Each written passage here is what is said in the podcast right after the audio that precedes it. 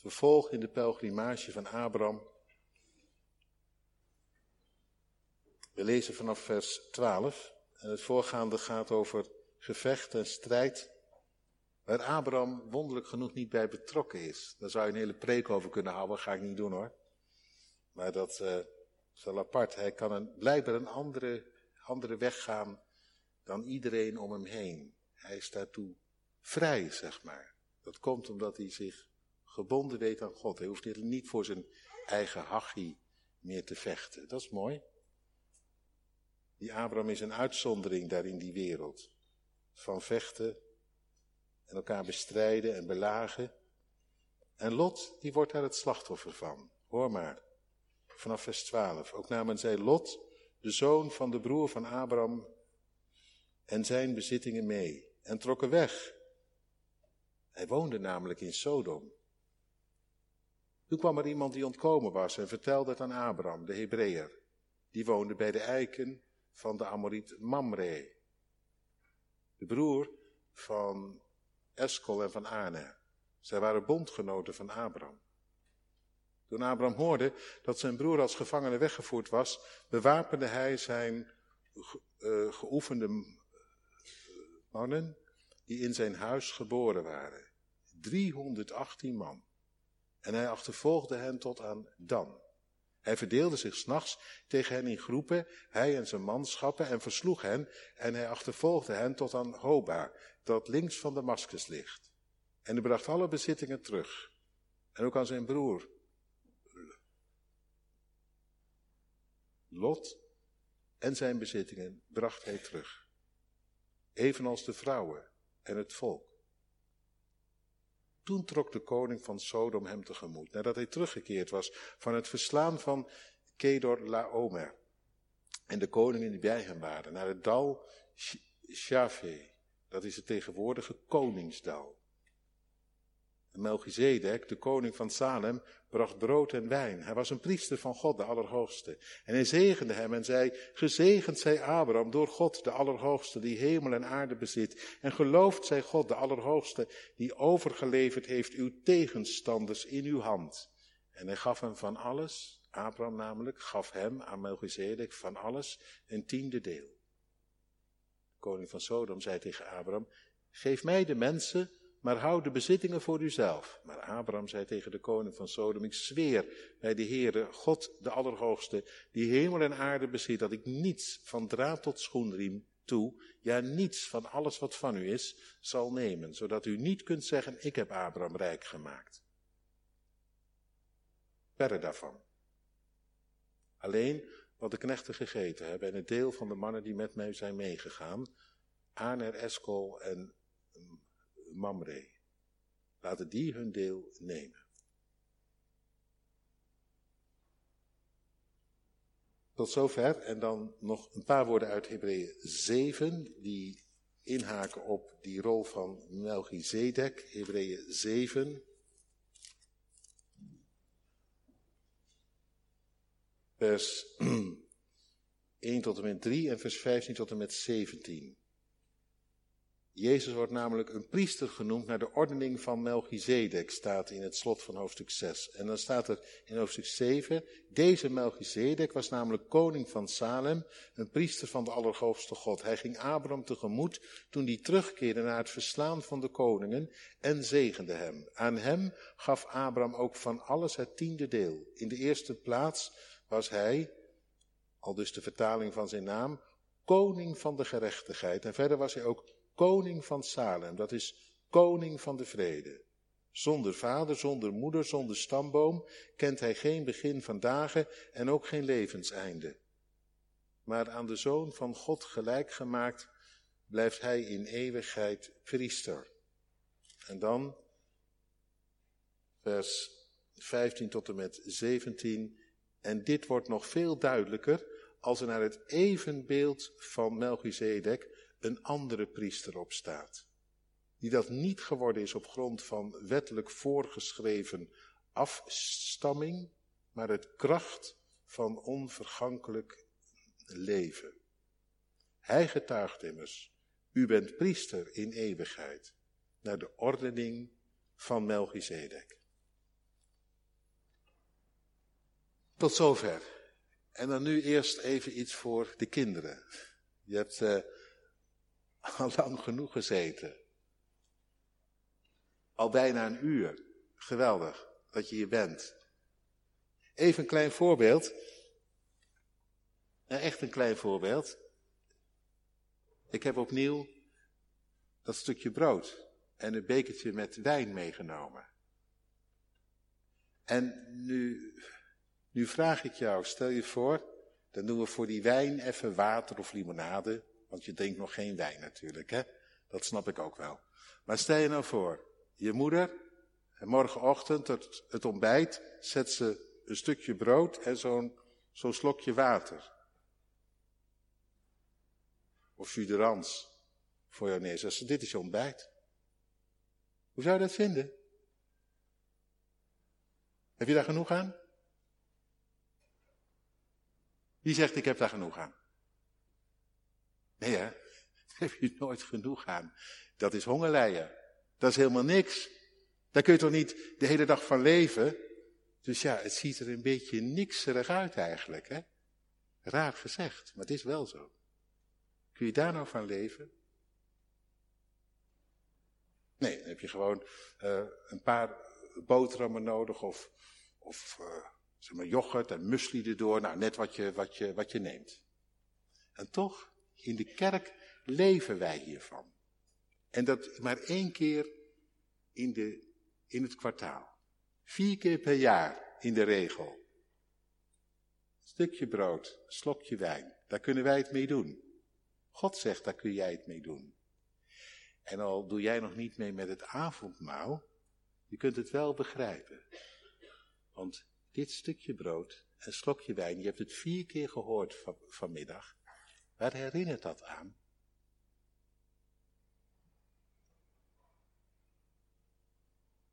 Aan de dood van Jezus. Aan zijn liefde. Dat hij het heeft gered. En dan mag je het elke. Zoals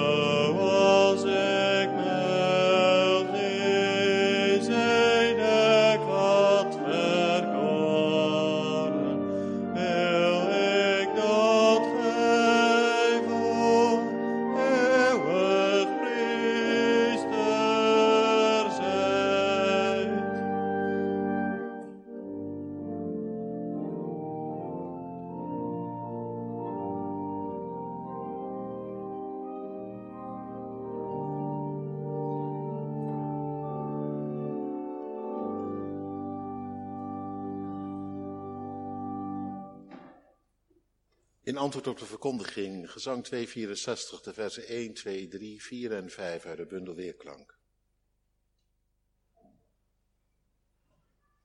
Gemeente van Christus, broeders en zusters, Lot.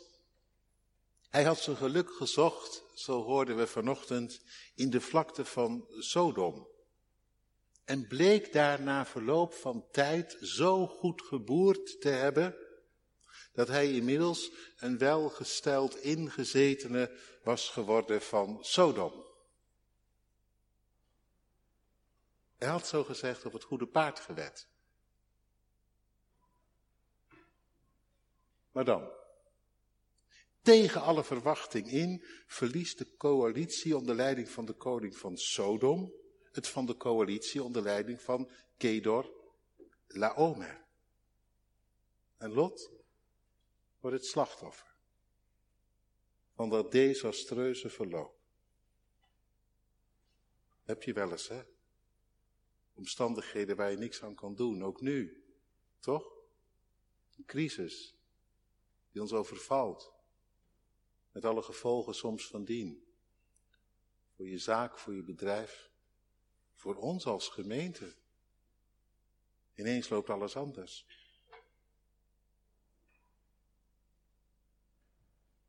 Beroofd van zijn bezit wordt hij als gevangene afgevoerd. Hier blijkt, moet je even opletten, dat de wereld waar je op wet, en zelfs al lijkt het in eerste instantie op dat je op het goede paard hebt gewet, Hier blijkt dat de wereld waar jij op wet zomaar kan instorten. Altijd. Want wie had dat nou gedacht? Dat Sodom het zou verliezen. Zo machtig, zo krachtig. Van Kedar Laomer. Nou ja, bedenk het goed. Wie wet op de wereld, is ook aan de grillen van de wereld overgeleverd. Altijd. Het is maar dat je het weet. En vanochtend heb ik voldoende uitgelegd dat uh, zakelijkheid in de Bijbel niet wordt veroordeeld. Maar zakelijkheid is nog wat anders dan je ziel en zaligheid eraan verliezen. Nou ja, goed. Die Lot, dus slachtoffer van dat desastreuze verloop van die strijd. Alles kwijt. Alles wat hij had opgebouwd. En Abraham verneemt ervan en laat het er niet bij zitten. Dat is een daad van grote liefde en een staaltje van ongekend geloof. Echt. Allereerst een daad van grote liefde. Want in plaats van met stil leed, vermaak, een beetje toe te kijken, dat die Lot zijn trekken thuis krijgt, had hij ook kunnen doen, hè? Ja, Lot, wat komt er nou van, hè? Die het onderste uit de kan wil hebben en zo, weet je wel? Nee. In plaats van dat soort gepraat neemt hij het op voor zijn neef die lelijk in de nesten zit. En daarmee, moet u opletten, daarmee leeft die Abraham de genade die hem zelf ooit van hogerhand in Egypte was bewezen. Daar hoorden we vorige week van. Hoe diep hij zich in de, in de nest had gewerkt. Alles kwijt. Maar ja, nee, anders. Anders nog. Rijker dan ooit. Maar intussen God en zijn belofte eraan gegeven. Misschien was dat nog wel erger dan dat verhaal van Lot. Abraham weet, ik ben geen haar beter dan jij, jongen. Integendeel. En zo goed als God voor mij geweest is, zo goed zal ik nu zijn voor jou. Kijk, dat is bewijs van het ware. De rest is vrome praat. Hoe weet je dat het waar is in je leven? Dat zie je hieraan. Daaraan zie je dat. Daaraan zie je dat Abraham echt begenadigd is. Dat hij nu zo zich inzet voor die lot. En daarin in het spoor gaat van zijn God, die omzag naar hem. Ik kan je één ding vertellen, één ding verzekeren. Bevrijdend handelen van God in je leven maakt je niet benauwd en benepen hoor. Echt niet. Integendeel, dan ga je als het moet over alle grenzen heen om de liefde te leven, links en rechts, die God jou bewezen heeft. Al heeft de ander het verbruid en is het eigen schuld, dan nog.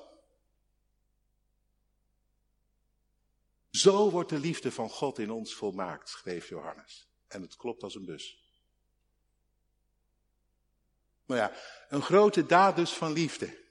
Dat allereerst bij Abraham, maar ook een, een, een staaltje van ongekend geloof. Dat komt hier ook aan het licht. Want op het eerste gezicht mag het een, eh, een krachtig legertje lijken wat Abraham inzet. Niet niks, hè? Als je dat leest.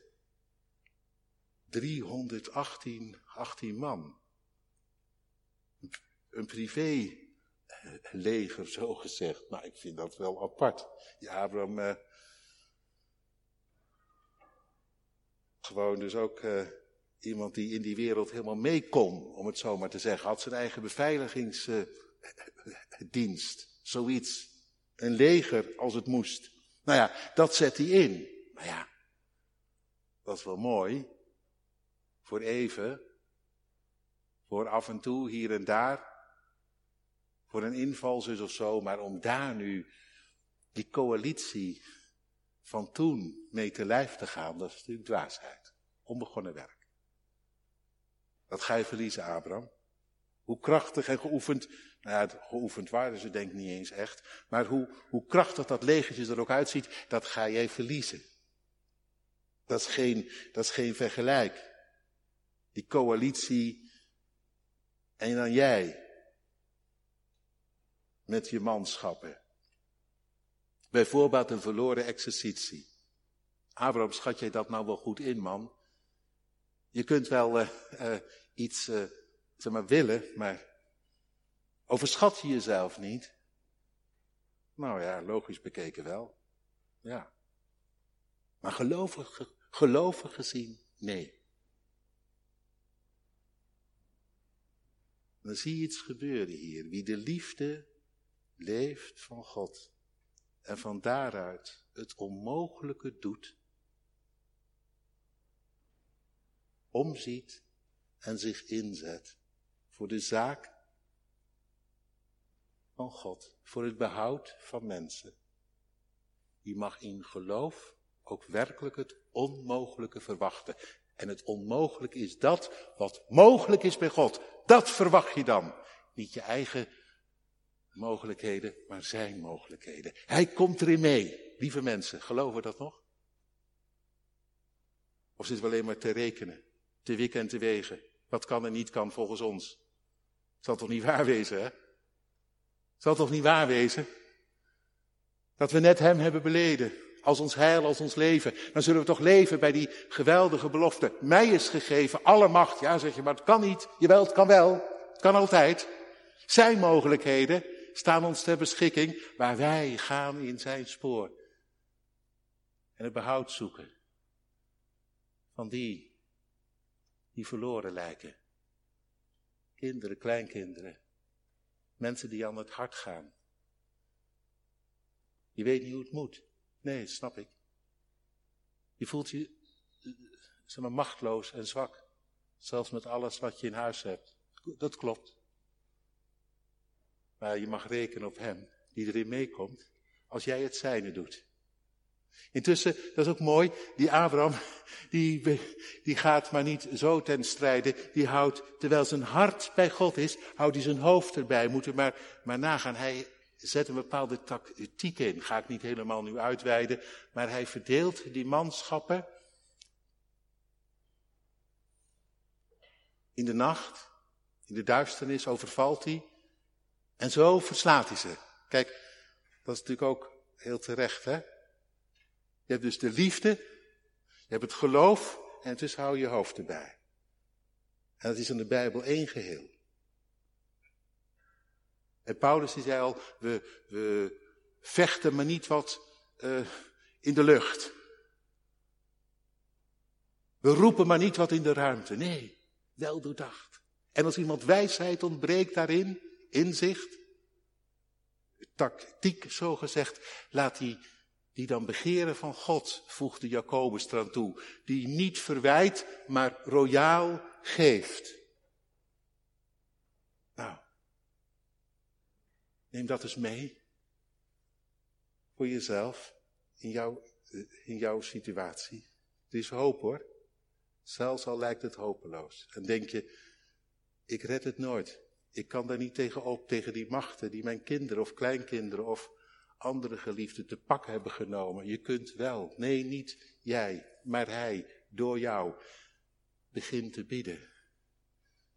Een vraag, oh God, ik weet niet waar ik beginnen moet. Zou hij geen tactiek voor je hebben? Woorden? Op het moment waarop het erop aankomt of gewoon zwijgen? Als het gewoon beter is op dat moment er het zwijgen toe te doen en intussen liefde te leven. Wat dacht u? Toch geweldig dat we niet alleen op eigen mogelijkheden zijn aangewezen. Kijk hier in dit verhaal waar dat toe leidt. Hij verslaat op een overweldigende manier. Bestaat niet, maar bestaat wel. Hij verslaat die hele handel, die hele coalitie. En hij brengt al die mensen die krijgsgevangen waren genomen, brengt hij terug. De koning van Sodom en die andere koningen erbij. Prachtig, vind je niet? Wat je kan. Als je gaat in zijn sporen en leeft uit zijn hand, zullen we dat ook doen als gemeente? Ik, ik, ik reed hier vanmiddag naartoe hè, en ik zag al die, al die mensen in die wijken, die, die, die, dat weet u al veel langer dan ik, maar dacht even, ja dat kan niet hè, dat kan niet hier. Toch? Al die moslims, dat kan niet. Er is geen begin aan. Nou ja, dan moeten we het maar gewoon doen met, met wat we hier hebben, vinden we ook niet? Dan moeten we het er maar gewoon mee doen. En al lang blij mee wezen. En trouwens, het zou ook wel een gedoe wezen, hè? Al die mensen. Zie je niet? Zit u daar nou zo op te wachten? Dan staat dat u erom zou bidden.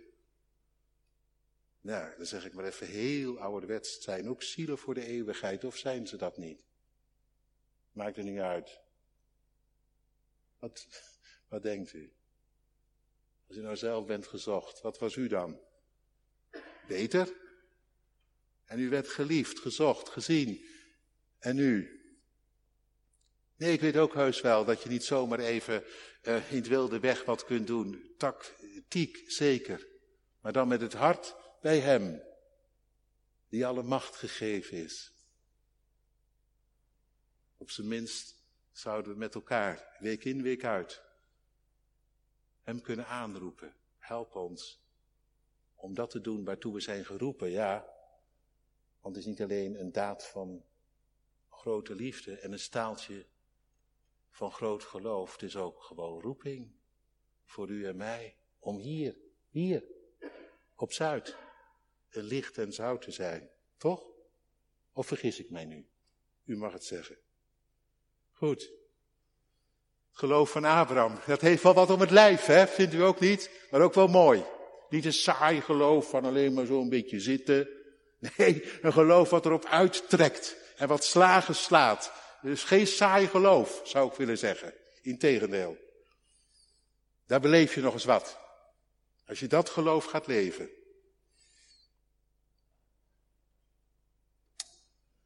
Nou goed, de actie van Abraham wordt gewaardeerd door de koning van Sodom en door zijn coalitiegenoten. Ze trekken hem dankbaar tegemoet en bieden hem even later een ongelooflijk hoge bonus aan. Abraham, jij hebt voor ons de slag geslagen en wat ons betreft neem je alles nu mee. Alles wat jij opnieuw hebt buitgemaakt. Alles is wat ons betreft voor jou. Wij waren het toch al kwijt, maar nu voor jou.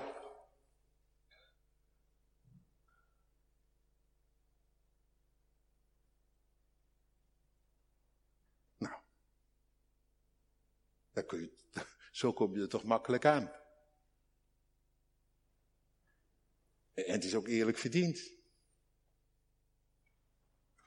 Maar met goede reden bedankt Abraham dit keer voor de eer. Destijds in Egypte incasseerde hij het, hè? Als gevolg van eigen bedrog. Maar nu die in de kracht van God gestreden heeft, zegt hij, hou hou het maar. Hoef er niks van. Nou ja, alleen de onkostenvergoeding, zegt het eind. De kosten die ik heb gemaakt, maar voor de rest niks hoor. Abraham wil het nu zuiver houden, transparant blijven tot op God. Niet jullie hebben mij rijk gemaakt. Nee, ik dank alles aan Hem. En dat zullen jullie zien en beleven. En het moet niet worden vertroebeld. Dat is mooi, hè? Dat geloof van Abraham, dat wordt ineens heel zorgvuldig, heel scherp. Dat er niet iets tussen komt wat vertroebelt. Ben je er ook zo scherp op? Dat anderen zeggen, nou ja, hij zegt wel dat hij gezegend is door God, maar wij hebben toch ook een flinke duit in de zak gedaan hoor. Nee, zegt Abraham, zo zal het niet wezen. Hoe zit dat eigenlijk bij jou? De schijn van het kwaad. Het is nog niet eens kwaad, maar iemand anders zou zomaar kunnen denken. Ben je er zo op bedacht?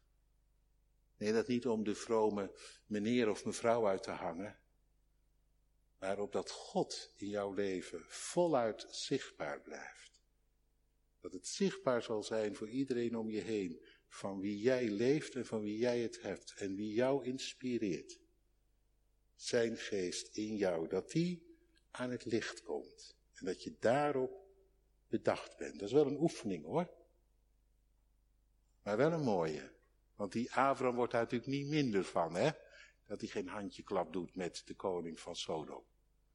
Daar, wordt hij een, daar blijft hij eigenlijk een heel mooi mens van. Heel waarachtig, heel doorzichtig. Wat wil je wezen? Om even gewoon heel kort door de bocht te zeggen. Wat wil je wezen? Troebel of doorzichtig? Zeg het maar. Abraham, die wil doorzichtig blijven. Dat is ook geloof van Abraham. Intussen, ja, je zou kunnen zeggen, wie goed doet, goed ontmoet. Want die koningen zijn hem goed gezind, omdat Abraham hen goed gedaan heeft. Mooi is dat trouwens. Als je zo in de wereld bekend staat, als een mens die goed doet. Petrus zei dat ook al, hè? Mooi hoor. Ga daar maar voor. Dat is goede PR voor de zaak van God. En daar doe je zelf ook goed mee, want wie goed doet, goed ontmoet. Die verdient, zegt, zegt Petrus, lof. Die krijgt dus noods naar trouwe dienst een lintje. Prachtig als de burgemeester dat komt opbelden. En het blijkt dan ook nog iets van doen te hebben met je geloof. Maar het is hier nog meer, hè? Niet alleen wie goed doet, goed ontmoet. Wie goed doet, God ontmoet. Want kijk, ineens is hij daar. Melchizedek.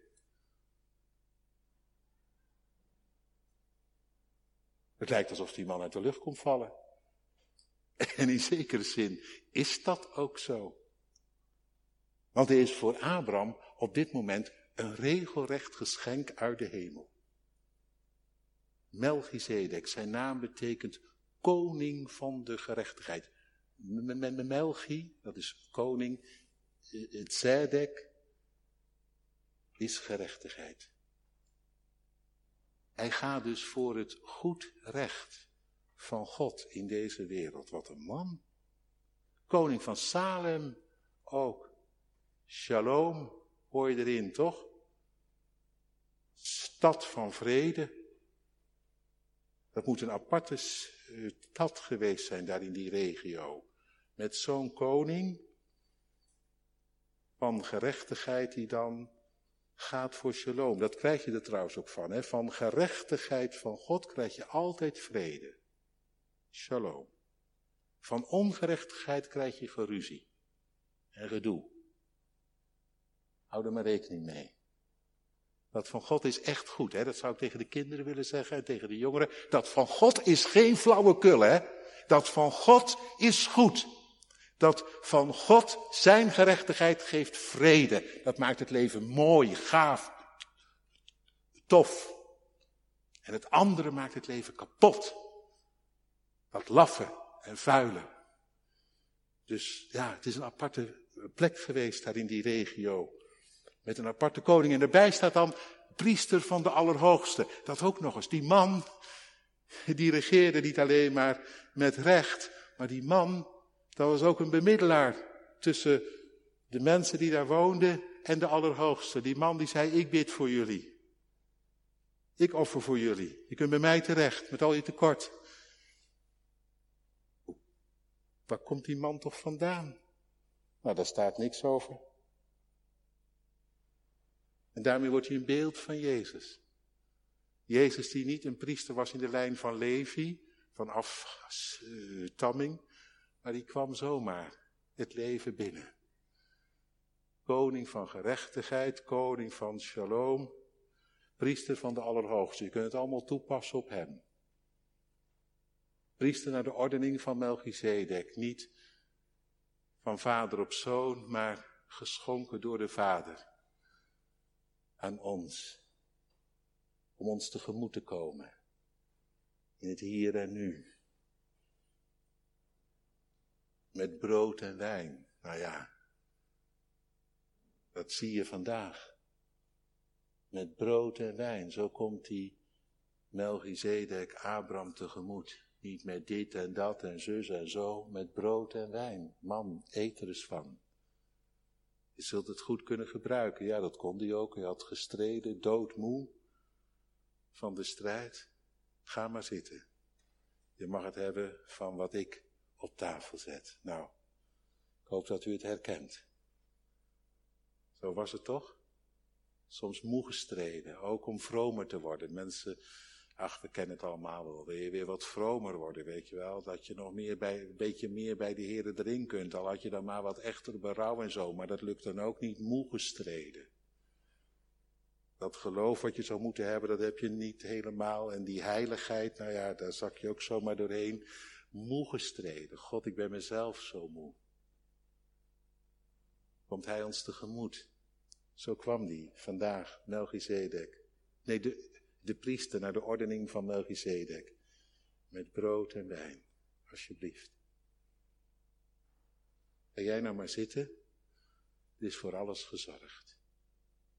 Jij hoeft niks op tafel te leggen. Je mag het van het mijne hebben. Abraham toen en daar, wij hier en nu.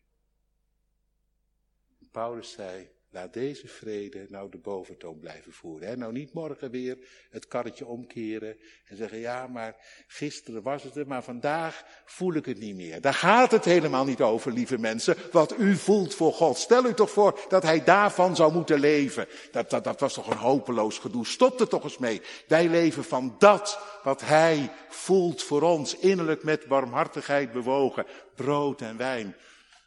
Ik zei het net tegen die kinderen, daar kun je teren hoor, elke dag. Meer dan genoeg. Zijn liefde. Hij voor mij. En ik, ik neem het ervan. U ook? Zou ik maar doen.